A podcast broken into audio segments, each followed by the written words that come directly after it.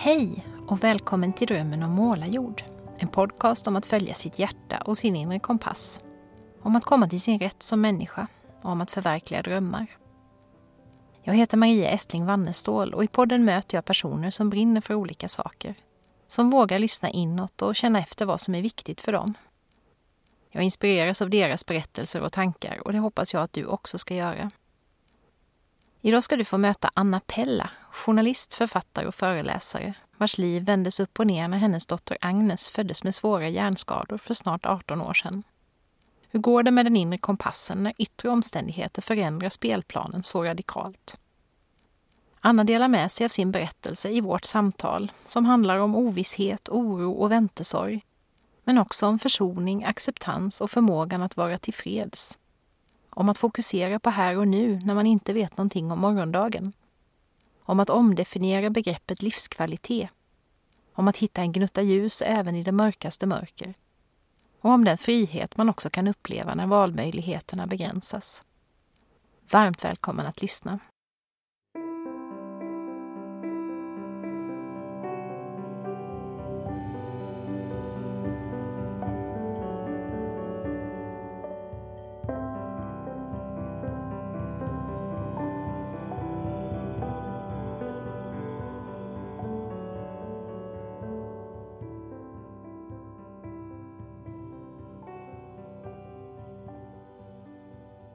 Då Anna skulle jag vilja hälsa dig välkommen till Drömmen om målarjord som jag är så glad att få ha dig i. Tack så mycket. Jag fick ju upp ögonen för dig när jag var med på den här anhörigriksdagen som i år gjordes digitalt, vilket var ganska häftigt för det gjorde ju att man hade möjlighet att vara med. Ja, annars kan man ta sig till en fysisk plats och vara borta i flera dagar och sådär. Nu fanns det en möjlighet för oss eh, ute i landet att sitta och lyssna på en massa spännande föreläsningar och eh, samtal. Och du hade ju flera sådana som jag eh, tyckte väldigt, väldigt mycket om och fick med mig mycket ifrån. Och det ledde också sen till att jag läste några av dina böcker som du eh, nämnde där. Så då känns det ju extra roligt idag att få prata med dig just för att jag känner att du är en typisk eh, Drömmen om målarjord-gäst. Du är en människa som har koll på din inre kompass, det har jag förstått utifrån vad du har pratat om. Eh, men så har du också det här med anhörigskapet då som jag har hamnat i mycket och skrivit om och föreläst om. Så. så vi ska ju prata om ditt anhörigskap, men jag tänkte att vi kanske först att du bara kan berätta lite grann om eh, vem du är för de som inte känner till dig.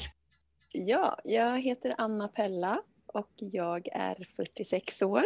Bor i ett gammalt torp utanför Stockholm, Åkersberga, med min man och våra tre döttrar och två katter och en hund.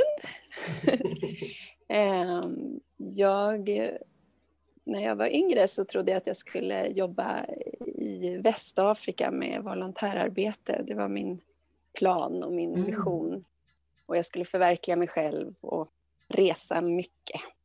Men 2003 eh, när min äldsta dotter föddes så vändes livet, eh, tog livet en annan riktning som gjorde att jag var tvungen att stanna upp och, och ja, se vad, vad, vad, som fanns här och nu. Det gick inte som jag tänkte, liksom, ta henne under armen och starta den här utflykten riktigt. Nej. För hon behövde tillgång till en massa insatser och resurser och sådär.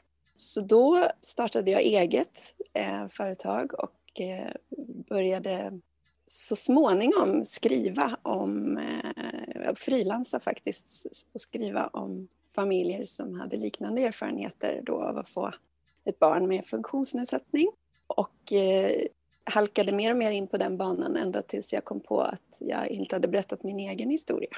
Mm. Um, och ända sedan hon, första dagen hon föddes så blev jag uppmanad att skriva dagbok på, när vi låg på barnintensiven då för att dels komma ihåg allting som händer runt omkring, kanske kunna berätta det för henne så småningom, men också för att ha någonting att göra i den, mm. i den kaosmiljön som vi befann oss i och den ovissheten. Så det ledde sen till att jag gav ut mina dagboksanteckningar 2017 då, mm. i den här boken som, jag, som du har läst. Ja, som jag tyckte var så väldigt ja. fin. Ja. ja. Så det har lett till att jag, ja, jag, jag jobbar idag som fortsatt som frilans, skriver mycket om barn och familjeliv kopplat till funktions, alla möjliga funktionsnedsättningar. Det är en tidning som heter Föräldrakraft och en sajt som heter Heja Olika som jag jobbar med. Och mm. sen även Nationellt kompetenscentrum anhöriga som har flera olika eh, ben men bland annat riktar sig till familjer som då får barn med, med svårare typer av funktionsnedsättningar. Mm. Och sen har jag fått förmånen även att på senare tid skriva utifrån mina barns perspektiv om, om vårt liv. Och det har blivit en serie, en barnbokserie som heter mm. Funkisfamiljen. Just det, som jag har läst den första och vill läsa ja. de andra. Jag har inte hunnit det än, men det ska jag göra. Ja. Jättefina är de. Så Just. det är ungefär det jag gör. Ja. I, i, här under pandemin har jag också knypplat ihop ett, ett brädspel baserat mm. på de här böckerna. Precis innan jul kom det, så då har jag fått eh, många som har beställt. Som jag har, så jag har varit på posten och skickat en massa ja. paket och känt mig som en tomte. Så det har varit jätteroligt. Perfekt att få ut det precis före jul så. Ja, det var, det var på håret men det gick. Ja, spännande.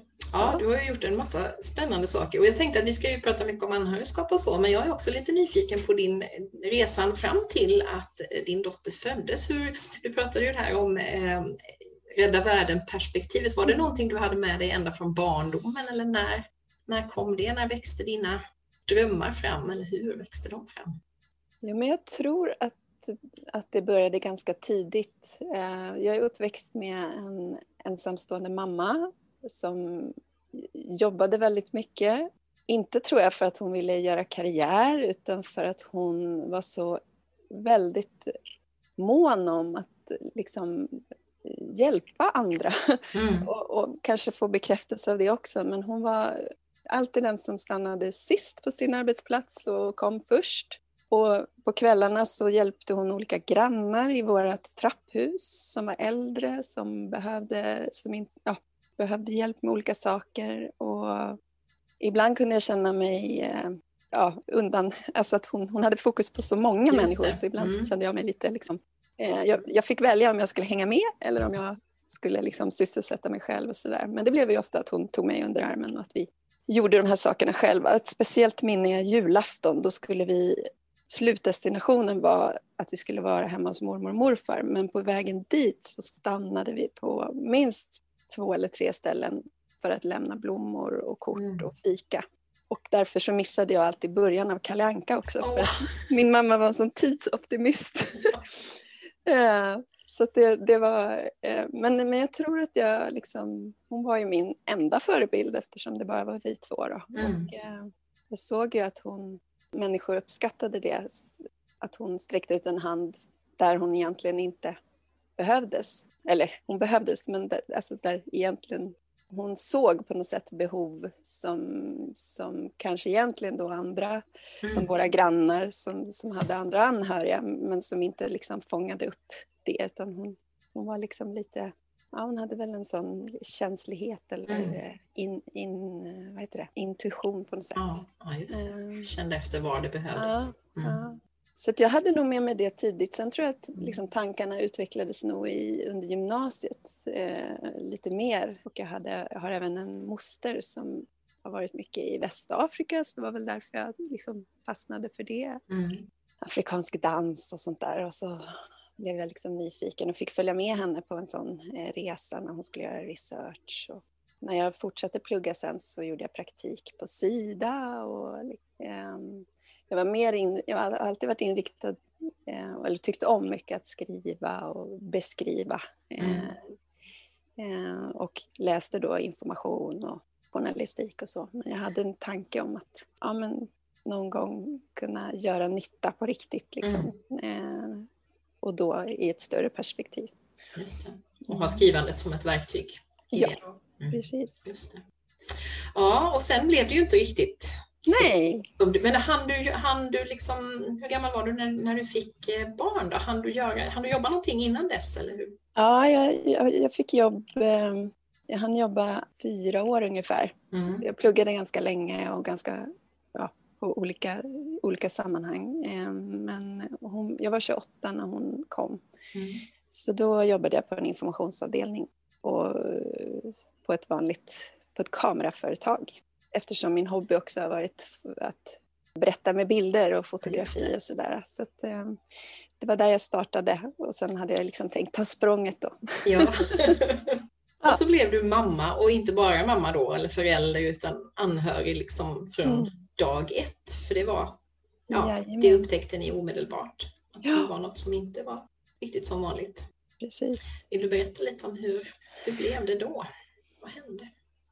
Ja, hon, hon mådde ju bra i magen, eh, vad vi vet. Eh, och, eh, så det var när hon kom ut som hon fick problem med andningen. När hon skulle ta sitt första andetag så tog det stopp. Och det var ju första barnet så det var ju väldigt svårt att, att veta hur det skulle ha varit. Men, men jag kände ju i magen förstås att det var så här. Det, det var inte bra. De sprang iväg med henne och bad eh, hennes pappa följa med. Och ingen stannade hos mig för det, alla var tvungna att liksom fokusera mm. på henne precis när, när hon hade kommit ut. I mitt eh, medvetande fanns det liksom inte några tankar om att hon skulle kunna ha med sig någon, någon stor svårighet eller hjärnskada utan jag tänkte att det var någonting som hade hänt som skulle gå att fixa. Mm. Jag tror att jag alltid, jag, jag, är en naiv person på gott och ont. Jag tror gott och jag tror att saker går att ordna. Och det är också något jag har fått från mamma. Att liksom, mm. eh, vi hittar lösningar på, på våra problem. Sådär. Men vi blev ju kvar på, först på neonatal och sen blev vi överflyttad till barnintensiven. Eh, och de här andningsproblemen gick i skov så att hon, hon när hon sov så, så andades hon ganska okej. Okay. Eh, men så fort hon vaknade och jag försökte amma eller vi skulle byta blöja eller göra någonting och hon, då kunde det liksom helt plötsligt låsa sig för henne. Mm. Och, och, hon svimmade och hon kunde inte själv börja andas igen när hon hade liksom svimmat. Eh, så det blev ju liksom hela tiden akuta mm. insatser då där man skulle försöka få igång henne. Och eh, parallellt med det så gjordes ju undersökningar för att ta reda på vad det var som inte mm. funkade då. Och första teorin var att det var något fel på stämbanden och att de ja, men ströp liksom lufttillgången för henne eh, mm. när hon blev upprörd. Och bebisar blir upprörda. Ja. Det är deras sätt att förmedla sig. Och sen vet jag att då efter ett, nästan en vecka så sa de, ja men vi ska också göra en hjärnröntgen för att utesluta hjärnskada. Ja visst, gör det ni. Jag är fortfarande inne i att liksom det här, det är nog stämbanden och mm. de, de, kommer nog snart att mogna och sådär. För det, det var också något vi fick höra, att det kunde växa till sig snabbt och sådär. Eh, så jag var totalt oförberedd när vi bara några timmar efter den här röntgen eh, fick besök då på, vi var i ett, ett sånt här anhörigrum och eh, läkaren kommer in och berättar att de har hittat någonting och att vår dotter saknar en, en länken mellan, mellan hjärnhalvorna, corpus callosum. Mm. Och att det eh, inte går att säga vad det kommer innebära för henne. Men med tanke på att hon redan nu visar eh, att hon har svårt med de här basala, med basala funktioner som andning och så, så kan man ana att det eh, mm. har påverkat henne mycket. Men han sa också då att hjärnan hittar, an, alltså en ny, nyfödd hjärna hittar andra vägar. Det finns människor som har levt med den här hjärnmissbildningen utan att man upptäcker det. Mm. Ehm, eller man upptäcker det sent i livet kanske. Och det finns människor som, han tog Rain Man som exempel, som då har samma typ av mm. Eh, missbildning. Så vi, mm. vi, men vi kastades ju ut i, i ingenting där kände jag. Vi, vi kunde inte få några som helst besked eh, där och då. Och det var väl liksom där min nya... Ja, jag hade aldrig varit med om det förut, att det var att kastas in i någonting som var så ovisst. Liksom, Nej, där, där, där gardinen dras ner och det finns ingenting att rikta blicken mot, ingen, ingenting att hålla i eller, mm. eller um, se framför sig, utan allting blev bara stängt. Mm. Så stor dramatik parat med den här ovissheten.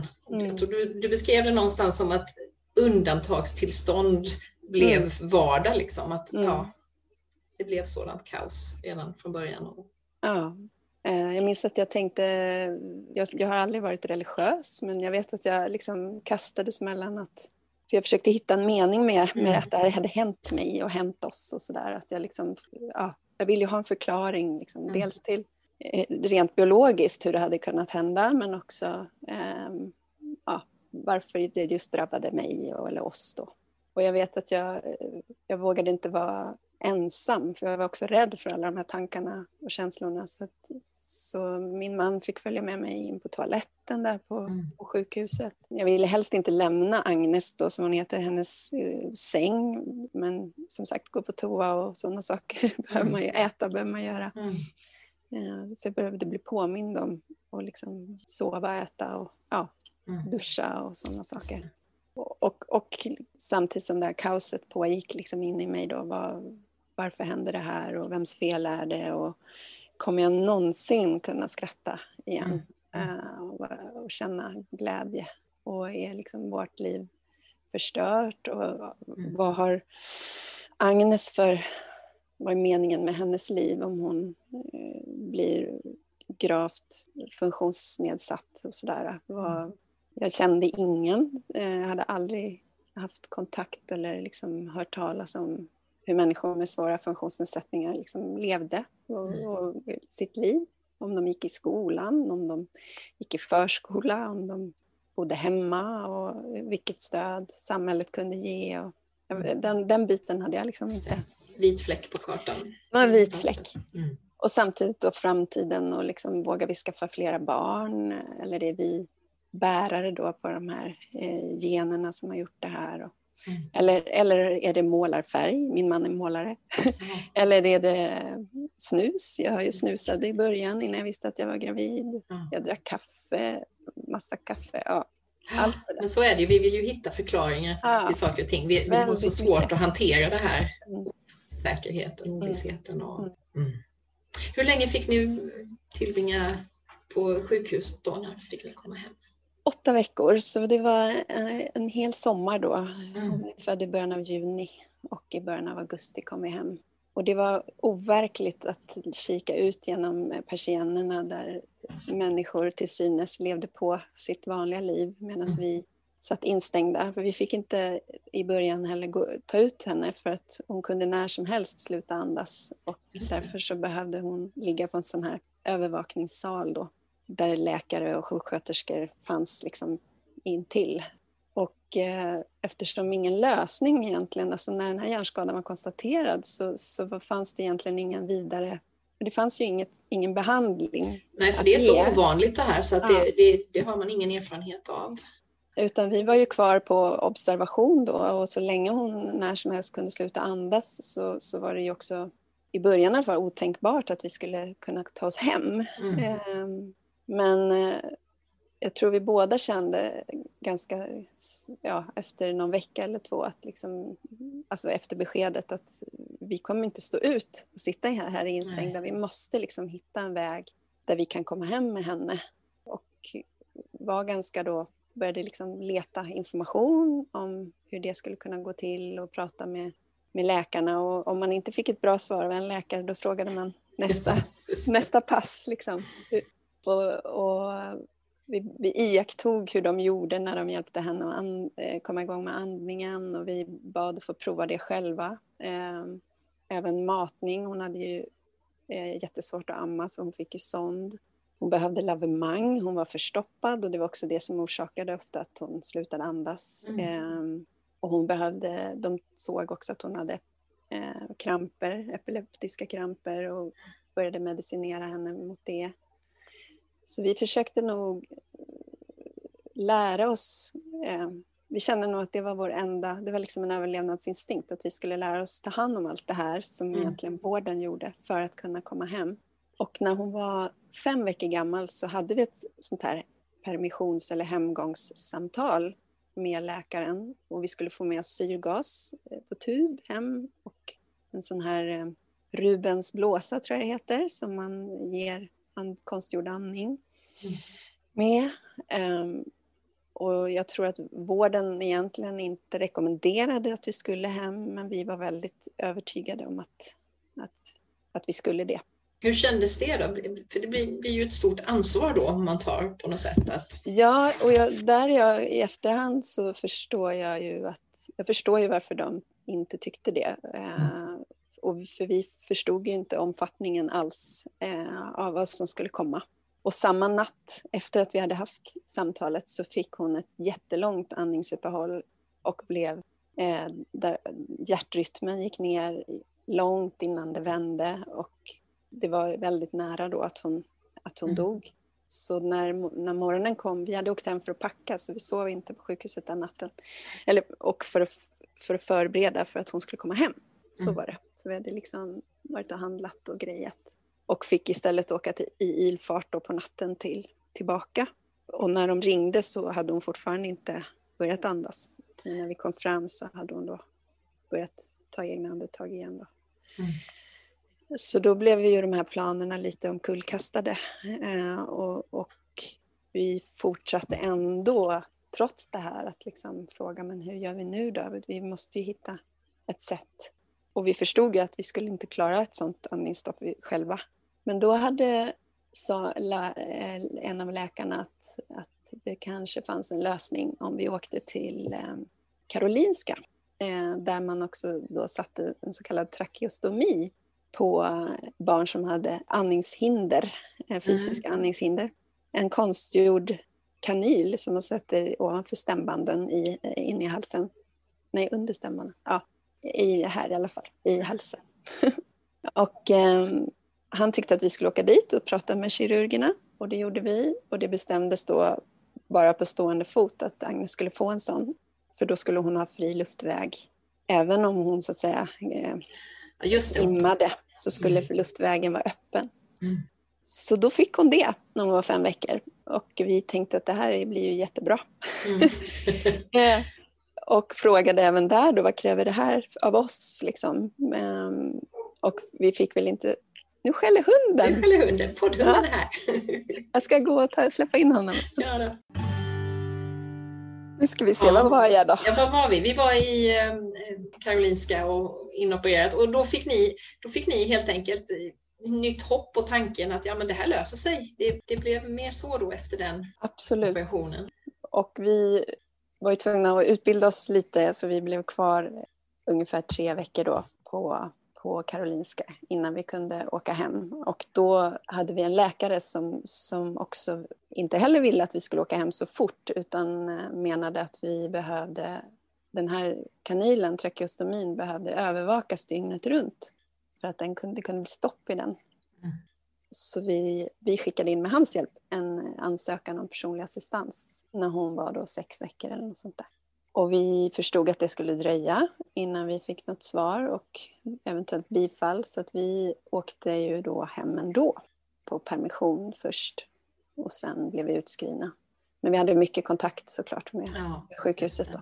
Och det var till en början helt fantastiskt att komma hem. Det var, kändes för första gången som att vi hade någon form av vardag igen. Mm. Och man kunde lägga in en tvättmaskin eller mm. värma något i mikron. Eller... Ja, ja, men bara det där ja. att vara hemma i sin ja. egen miljö och inte i den här ja. sterila sjukhusmiljön. Ja. Så då tror jag, jag tror, men jag tror också att vi blundade lite då eh, liksom, i mm. början kring hur, hur krävande det här ja. var för oss. För vi sov i skift. Mm. Jag pumpade bröstmjölk var tredje timme dygnet runt. Vi kunde inte gå ut eh, med henne, alltså vi var tvungna att vara båda två i vissa situationer. Mm. Eh, hon hade reflux som gjorde att hon väldigt lätt kräktes och då fanns det en risk att det skulle åka ner i den här bracken. Eh, hon, var väldigt hon hade mycket kolik eller omogna tarmar. Så när vi inte, ja, den som var vaken bar mycket på henne för att hon mm. hade väldigt svårt att, att ligga ner och sova hon behövde också hållas ihop och det vet jag redan på Neo. De la en rullad handduk runt barnen. Det gjorde de på alla så att man skulle mm. få känslan av kokong. Eller, Just det, ett litet bo ja, sådär. Ja. Och det behövde Agnes i allra högsta grad men hon behövde liksom närhet. Eh, hon behövde liksom vara nära i famnen och man behövde röra sig mm. lite hela tiden för att hon skulle liksom kunna slappna av. Mm. Och i, under det här första året så, så utvecklade ju hon, förstod vi ju att det var så mycket mer och att en sak som var väldigt tydlig var att hon, eftersom hon inte egentligen då vi hade någon kontroll över sin kropp, så, utan istället utvecklade spasticitet, så blev det också svårt för henne att vara i sin kropp liksom, mm. på egen hand. Mm. Hon behövde hela tiden vara i en famn för att liksom, känna sin kropp. Så, så att man blev, både jag och min man, vi blev ju liksom ett extra jag till henne, ja. till hennes, liksom, hela hennes kropp och hela hennes Ja, det blev påtagligt. I början var det ju så naturligt, men när hon mm. var ett år, ju äldre hon blev, så hon har ju fortsatt vara så nära oss mm. fysiskt. Mm. Så där att man, man behöver inte titta på henne, man, man känner precis när man har henne i famnen hur hon mår och mm. vad hon behöver. Om jag behöver min axel lite för att hon ska kunna luta sig bättre. Eller, och den närheten som, som det här har lett till, den har jag aldrig känt med någon annan människa. Nej. Att man liksom går ihop. Något väldigt speciellt. Mm. Ja. Ja. Och nu, har, nu är hon 18 år. Snart är hon 18. Snart 18 år. I juni. Ja, ja. Vilket är ju helt fantastiskt då med tanke på de förutsättningar som det låter som att ni hade där i början. Men mm. Hur, alltså, hur har det fungerat? Hur, hur har ni haft det? Hur har det gått? Ja. Ni har fått ett helt, ett helt annat liv än vad ni har tänkt er. Men det har inte sett ut, hon har inte varit ett år hela tiden. Så hur blir det när barnet växer och man mm. har ett annat liv också? Liksom? Ja, de, först, de första åren så var vi ju väldigt ja, men vetgiriga och sökande efter liksom vad, vad, ja, dels förstås om det, om det fanns någonting som kunde göra henne bättre minska liksom effekterna av den här hjärnskadan och, och tyvärr så, så fick vi fler och fler negativa besked. Vi besökte alla möjliga specialister och mm. man såg att hon förmodligen, hennes synnerver är så tunna så att det är osäkert om hon ser något. Vi betraktar henne som blind. Hon har en grav intellektuell funktionsnedsättning så vi vet inte alls vad hon förstår, hur mycket hon förstår. Eh, hon har som sagt ingen kontroll på sin, sin kropp. Ibland är hon nästan helt förlamad eh, och ibland så har hon lite eh, spasticitet som gör att hon kan lyfta armarna och sådär men hon kan inte använda sin kropp. Eh, hon har också tidigt då haft problem med andningen på andra sätt i, mm. i, i, samband med förkylningar. Och det får man ju när man är småbarn, mycket. Mm. Det. Så det var, vi har liksom pendlat med, vi har levt som två parallella liv tycker jag. Att vi har liksom försökt sträva efter att hitta någon slags vardag med henne där vi mår bra och hon mår bra. Och samtidigt har vi aldrig vetat riktigt hur nästa dag ska se ut Nej. eftersom hon när som helst eh, blir blå eller ja, mm. tapp, tappar sin eh, möjlighet eller ja, får problem med sin andning och, och kanske lunginflammation och, och mm. Ovissheten som, som blir varje gång hon blir förkyld. Man inte vet hur det ska sluta. Ehm. Så det finns en rädsla där liksom hela tiden. Du beskrev ju det i en av föreläsningarna, ni pratade om väntesorg, det här liksom, ja. att leva i det här. Ja. Hur, hur, ehm, kan man beskriva det? Hur den upplevelsen är? Ja, alltså dels så är det, kände jag redan när hon, när vi fick de här första beskeden att jag förlorade henne. Eh, mm. Eller jag förlorade mitt barn som jag hade väntat på någon form av liksom förbjuden sorg, att liksom sörja ett barn som faktiskt som lever, mm. men, men, som, som inte blev alls, som inte var den jag hade väntat på eller föreställt mig. Och den sorgen mattades ju av med tiden när man liksom lärde känna Agnes och, och såg att hon hade det ändå ganska bra och att hon inte vet någonting annat egentligen om, om hur det skulle ha kunnat vara och så. Men i och med att hon också har haft de här, ja, redan från början, den här kampen liksom att, mm. eh, omkring sin överlevnad så har vi också aldrig kunnat ta för givet att hon ska finnas med. Och jag har frågat många, många läkare mm. om det här. Hur länge tror ni att hon kommer att leva? Och vad är det som kommer liksom göra att hon eh, inte klarar det? Vad, vad, ska vi förvänta oss? Eller vänta på och sådär. Och det har också funnits stunder när jag har tänkt att det bästa är att hon, att hon dör nu så att jag mm. slipper leva med den här enorma liksom, oron. Mm. Det är ju en anspänning konstant förstås. Ja. Mm. Men vi, som, såklart så har vi inte fått några besked om det här. Nej.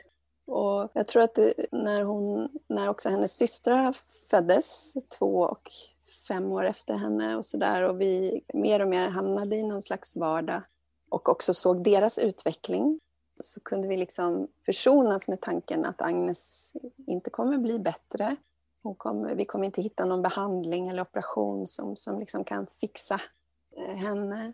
Och i det så det var otroligt smärtfullt att se att, att eh, hennes två år yngre syster kunde göra mer än, än henne bara liksom, samma dag som hon föddes ungefär. Ja, eh, men, men i det så fanns det också, när vi hade känt på den känslan så kom det också någon form av acceptans kring Agnes och att hon, mm. hon är den hon är och vi ska bara göra det så bra som möjligt så länge som möjligt för henne. Mm. Och vi vet ingenting om morgondagen så vi måste liksom fokusera på, på här och nu. Mm. Eh, och vad är då viktigast i hennes liv? Och det är att hon inte har ont. Det är inte att varje dag blir en toppendag eller att vi gör en massa coola grejer. Eh, utan det är att hon inte har ont. Mm. Eh, och där någonstans har, liksom min, har jag fått omdefiniera vad livskvalitet är. Och, och ja, att hon är med oss och inte har ont. Kanske till och med har, har en jättebra dag med, där hon är lycklig. Det ger mig så mycket kraft att liksom orka vidare i det här. Mm. Mm. Och det här begreppet väntesorg, det, det, upptäckte jag för några år sedan och bara kände mig så... Jag kände att det var någonting som beskrev liksom, det livet jag lever. Att jag trodde nog att hon inte skulle bli många, särskilt många år gammal och varje födelsedag är ju en, en otrolig händelse. Ja. Eh, att hon nu ska fylla 18, är, mm. det har inte funnits i min värld överhuvudtaget. Mm. Och väntesorg, definitionen vad jag förstår, handlar ju om att man, man bär en sorg med sig fast personen som ska dö lever.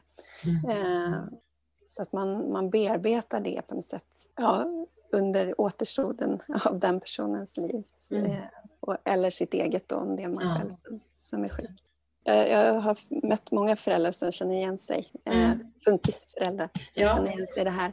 Verkligen. Jag såg beskrivningen En sorg utan grav någon annanstans och den är ju lite mer generell då, men det, men det handlar just om det här, det är inte sorgen över någon som har gått bort, utan det är att det kan finnas så mycket sorg i ett anhörigskap. Mm. Just i det där med, ja det kan ju vara här då, det här ovissheten och väntan, och, men också det här liksom att saker inte blev som de blev och jag har tänkt det mycket i, i mitt eget anhörigskap till min son då, där, där saker inte har blivit kanske som han hade tänkt sig, att det, det finns mycket sorg, att det är viktigt att, att få lov att känna det och mm. kunna prata om det, mm. tror jag ju. För det är så lätt att vi tänker att sorg är det, är det där, det är förlusten liksom. Men det kan vara förlust av så mycket mer än ett fysiskt liv. Mm. Mm. Och det tror jag är viktigt att vi får lov, att vi tillåter oss att mm. få sörja för att kunna hitta också den där kanske försoningen, acceptansen som du var inne på då. Mm. Den tror jag är svår att hitta om vi inte också samtidigt får lov att sörja, får lov att känna de där tunga jobbiga känslorna som vi, som vi går och bär på. Mm. Ja, det, det, det ställer verkligen krav på att vara människa i, i ett sånt här. Jag tänkte på det här med, ni, ni vågade ju ändå skaffa barn, du var ju inne på det, mm. bär vi det här med oss? Var ni, har det varit eh, jag tänker på du, du och din man, har ni varit eniga? Har er liksom kompass pekat åt samma håll hela tiden under den här processen med Agnes och runt Agnes och i övrigt? Ja, vi har nog hittat den där vägen så småningom skulle jag säga. Mm.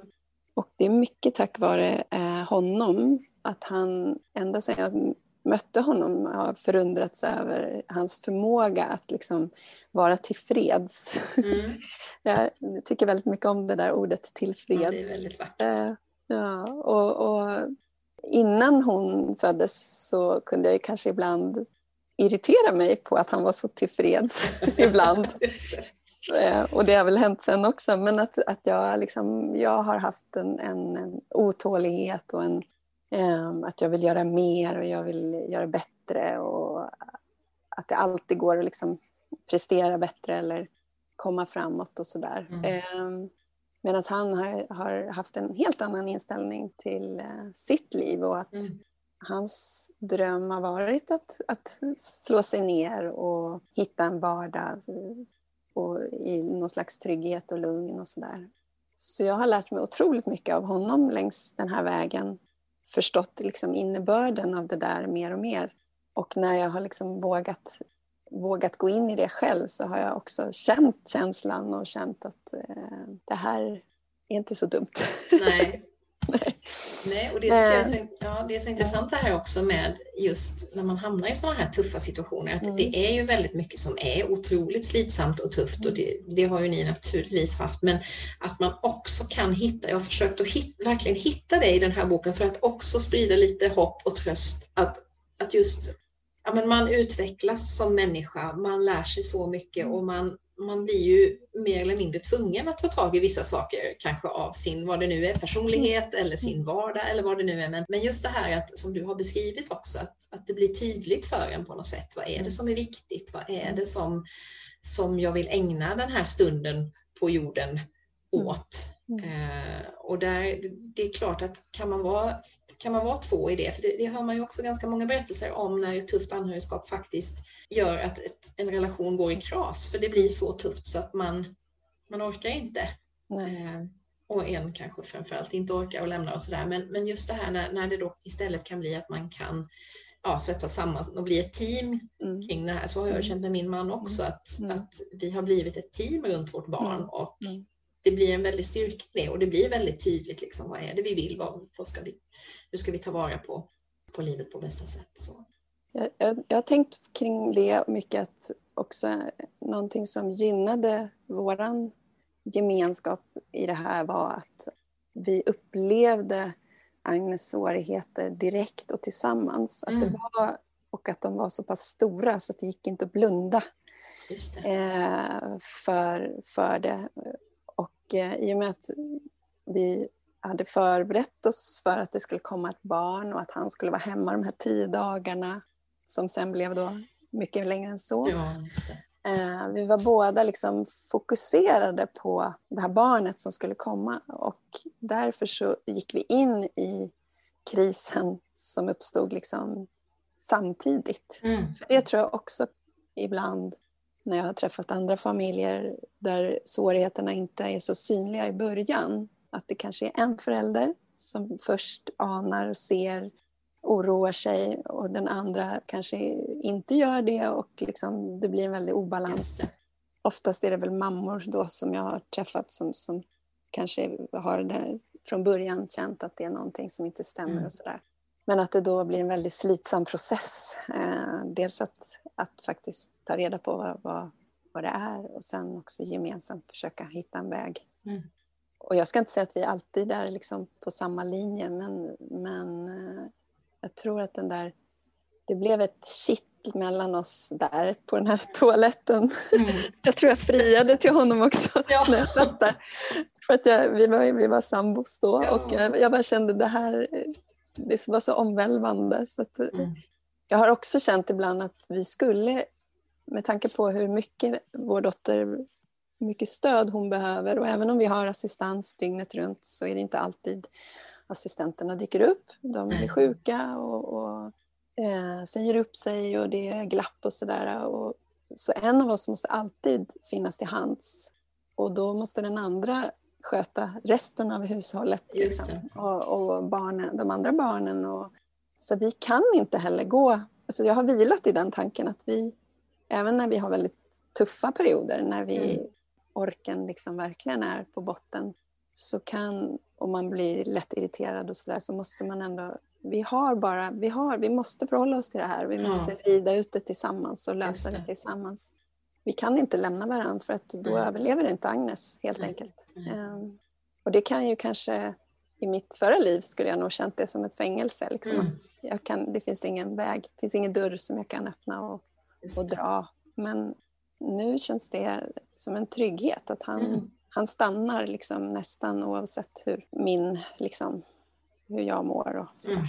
Mm. Ja, men det, det, jag tycker det är intressant det där med frihet kontra eh, instängdhet. Och jag pratade mm. med en annan eh, anhörig om det som har en man som är väldigt svårt sjuk och hon, hon har beskrivit det som att hon Alltså det blev en lättnad att mm. vara så mm. låst eller att vara så mm. fast. För hon har ju haft ett, ett liv där hon inte kunnat lämna hemmet på grund av sin man då, som har varit sjuk och, och sådär. Eh, men på något sätt så har hon hittat en försoning i det och det har gjort livet lättare på ett sätt. Man kan tycka att det låter så instängt och förfärligt på många sätt, men, ja, men just ibland är det ju alla de här valen vi har också som ställer till det för oss och som får oss att må dåligt. Och ibland när vi faktiskt inte har något val så kan det bli den där tryggheten eller lättnaden inom de ramarna på något sätt. Sen får man väl hitta någon slags frihet innanför ramarna kanske. Så, men, men jag tycker det, är, ja, för det är, det är kanske inte så man som utomstående betraktare skulle se det. Men jag kan absolut förstå den känslan. Jag håller med till hundra procent. För att eh, just det där att, att ha de här så tänker jag också kring, kring ja, inspiration och kreativitet och vad man vill göra. Att när man faktiskt har en ram runt... Jag har mycket lättare att förhålla mig till verkligheten eller till min egen förmåga när jag liksom har den här ramen. Medan andra ser ju den som väldigt begränsande kanske. Mm, det. Det har också gjort till att, lett till att när vi, när vi då har mycket hjälp med Agnes och när hon är på sitt korttidsboende och så, så har vi faktiskt lyckats genomföra på senare år eh, spontana resor och, och spontana middagar och, och, våra vänner säger ibland att vi är de som är mest har ja. initiativ till ja. att liksom, hitta på saker. Det. Men det är också för att nu vet vi, nu har vi 48 timmar här liksom. Eh, och vi orkar och vi vill. Eh, mm. Nu måste vi göra något och vi måste göra det nu. Och ja. det kan vara väldigt ibland lite lyteskomik för då säger vi så här, ja, ni måste komma hit klockan fem för vi måste... Ja. och, och ni, ja, det, det, kan vara väldigt instruk, instruktioner för dem. Ja, ja, visst. Men, och alla tycker inte, det funkar inte för alla. Men, men en del vänner det, är väldigt, finns, gör det. Ja, det finns mm. någonting bra i det också. Ja, ja. du, sen tänkte jag på det här med att, att, du har ju nu kommit att jobba så mycket med anhörigskapet också eh, i, mm. i ditt skrivande och, och sådär. Och det är ju ingen självklarhet det här att man Ja, men att man engagerar sig som anhörig, för ofta är man ju väldigt, väldigt trött och sliten. Man orkar liksom med nöd och näppe ta hand om, eh, överleva dagen och det här undantagstillståndet som du beskrev. Men, men hur, alltså, hur har du hittat den drivkraften och orken att, att, eh, att jobba med ja, ja, jag tror faktiskt att det föll sig liksom naturligt på något sätt. Att, eh, jag kände att jag ville använda erfarenhet, mina erfarenheter mm. eh, kombinera dem med mitt yrke. Ju fler familjer jag liksom har mött och sett hur mycket gemensamt vi har, även om våra barn är väldigt olika, så har jag liksom blivit mer och mer övertygad om att de här berättelserna eh, måste komma ut. Det är så skönt att läsa om andra och höra om andra och veta att man inte är ensam. Just det. Och det har liksom stärkt mig i att det är det här jag vill göra. Jag vill, jag vill berätta de här historierna. Mm. Eh, som oftast, tyvärr tycker jag, i andra medier eller framförallt eh, i dagspress och så, så lyfter man oftast upp anhöriga som offer eller som hjältar. Mm. Eh, och även då såklart personen själv som har funktionsnedsättning eller är sjuk och sådär. Att det är väldigt onyanserad bild mm. av, av hur livet kan se ut. Ju tydligare vårt liv har blivit och vårt sätt att hantera situationen och att vi känner att vi faktiskt klarar av det även fast det bitvis är väldigt, väldigt tufft. Mm. Så det känns väldigt viktigt att, att förmedla det. Och både genom att själv skriva om våra upplevelser men också att möta andra som berättar sina historier och sina, vad de går igenom. Och, och i mm. alla berättelser så finns det ju någon form av hopp, någon gnutta. Liksom. Även mm. när allting är som mörkast så, så finns det någonting tycker jag mig märka. Mm. Liksom. Eh, att, som man kan ta fasta på. Eh, och det är, så, det är också helt fantastiskt att få träffa alla de här familjerna, få komma hem och vara en eftermiddag i en familj och få man blir så välkomnad, jag blir så välkomnad och insläppt mm. när de, eftersom jag också berättar. Min, lite om mig och, och hur vi har det och sådär. Så det är lyx. Det, det, jag, jag, känner mig väldigt lyckligt lottad. Jag tycker ja. jag har världens bästa jobb. Ja, vad underbart. Det har jag känt nu när jag har gjort de här intervjuerna för min bok också, att det har varit fantastiskt fina samtal och det är många som har sagt att åh vad skönt det var att få, nu har ju det bara varit, jag har inte varit så länge, men jag har ju träffat kanske folk under en timme eller sådär. Och, och många som har sagt åh vad skönt det var att få berätta hela historien också. För de sa det att det är så ofta sådär att det blir ett litet fragment här och man är hos en läkare där och då berättar man. Men just det här liksom få, få ta helhetsgreppet och berätta och få berätta om sina känslor också är det många som har sagt. Just att inte bara berätta om ja, men det här praktiska kring, så är det ju ofta i vården kanske att man, nu ska man berätta den här sjukdomshistorien igen, men att det sällan frågas efter hur har du det som anhörig, hur, hur mår du? Och hur tar du hand, hand om dig och sådär. Så att eh, det är många som har tyckt att det har varit väl välgörande och, och, det tycker jag det är en ynnest att få ta del av det och sen kunna då, som du säger också, sprida och förmedla, förmedla det. Men jag tänkte på det här med just eh, ja, att det är så slitigt och tungt, för det är det ju också, eh, trots ljusglimtarna. Och jag, i boken så skriver, har jag ett ganska långt kapitel om att ja, på något sätt bli hållbar som människa, men i synnerhet då som anhörig. Har du haft, vad har du haft liksom för oaser eller andningshål eller har du, har du haft eh, verktyg att ta hand om dig själv och så för att orka? Ja, det har varit olika eh, saker tror jag i olika perioder. Eh, men, men det första för att kunna göra det möjligt, jag, jag kommer ihåg att vi skrattade i början, vi gick på en sån här föräldragrupp när Agnes var liten och, och skojade ibland om att ingen hade varit hos frisören på ett år. Och, eh, tandläkaren, alltså att, att man bara liksom totalt eh, chanserade. För att man, det var ingen som orkade bry sig. Liksom. Och man, ibland kom man med tröjan ut och in. Det, det hände faktiskt fortfarande ibland. Det hände mig när jag var på ett bistånds, biståndsbedömarmöte för min mamma som var dement så upptäckte jag att jag hade både tröjan och mina tights ut och in sen. Så jag tänkte, vem var det som var den dementa i det här sällskapet? Ja, jag, jag, kan ibland sitta på, i någon, gärna i något möte och så tittar man ner och så ser man oj då. Ja. Ja. Men, men det har varit en, en process att liksom lära sig att ta hand om sig själv. Det, och det har tyvärr, jag vet, tror säkert att alla kuratorer, psykologer och, och vårdpersonal vi har träffat har från, bör, från början har sagt hur viktigt det är. Mm.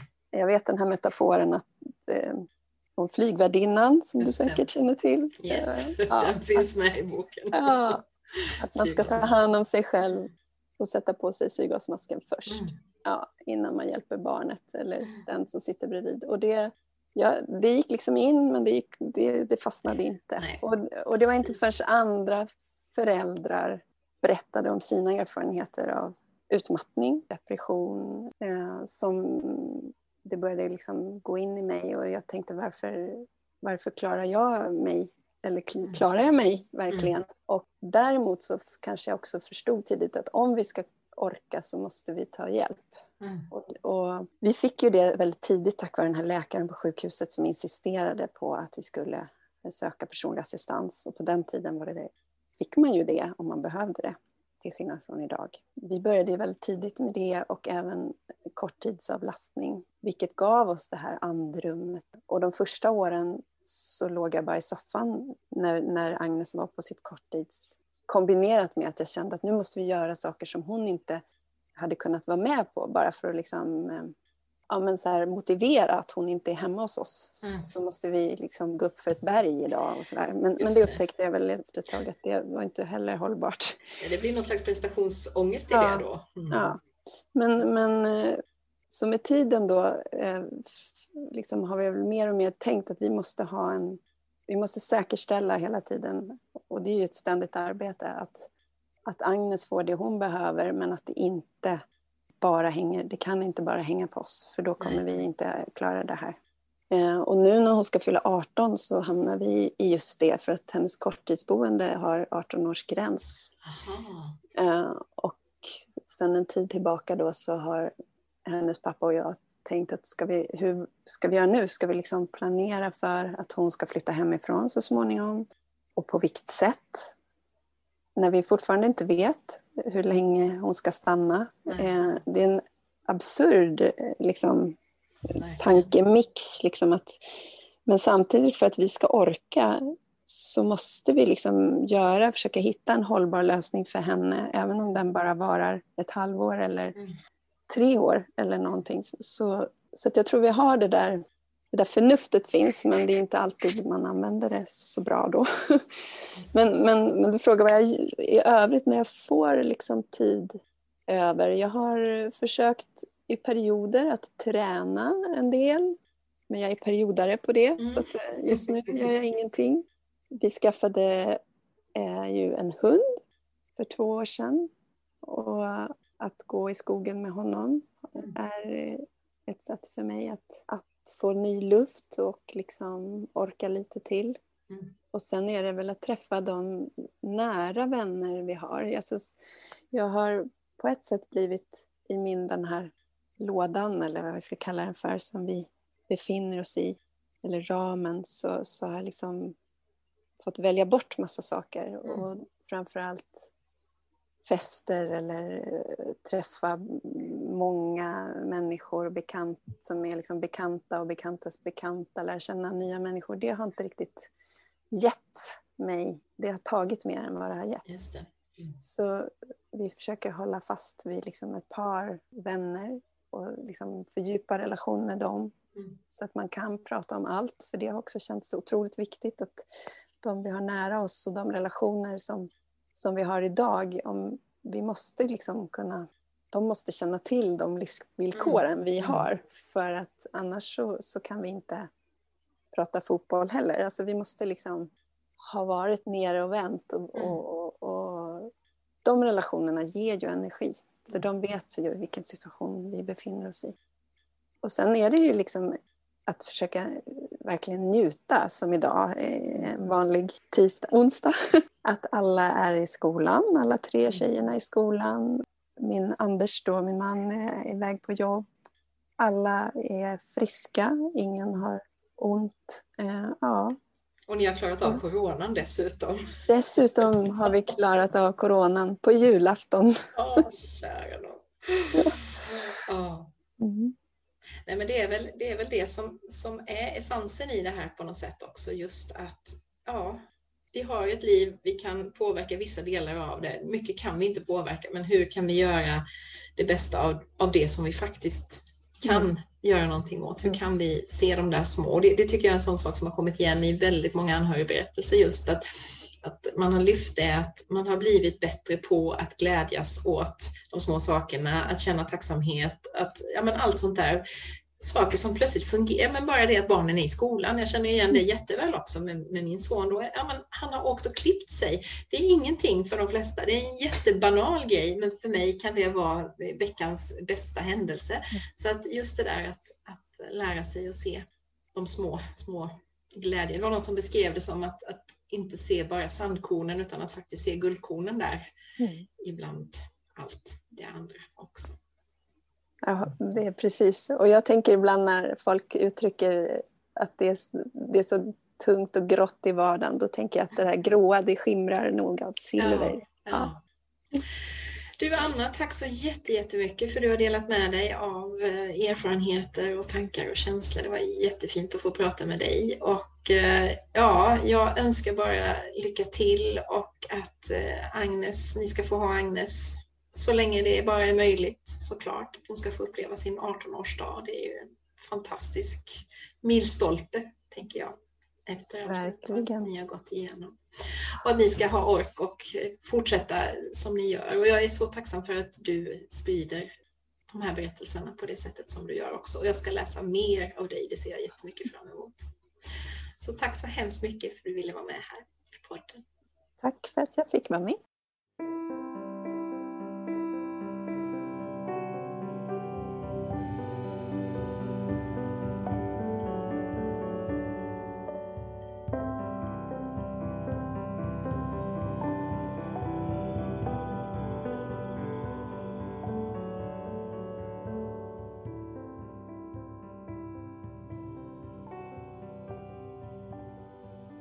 Om du blir nyfiken på Annas fina bok om livet som förälder till Agnes så heter den När du ler stannar tiden.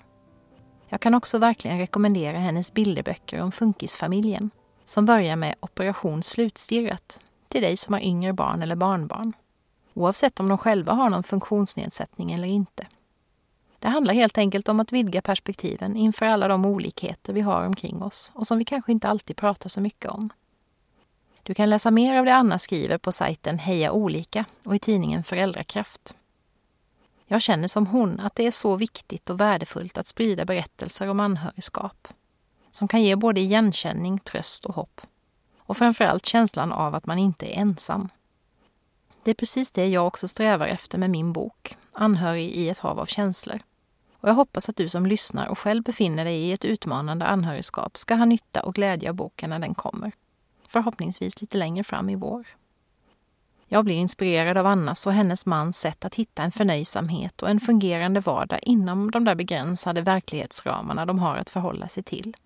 Och att göra det bästa av tiden med Agnes utan att för den skull utplåna sig själva.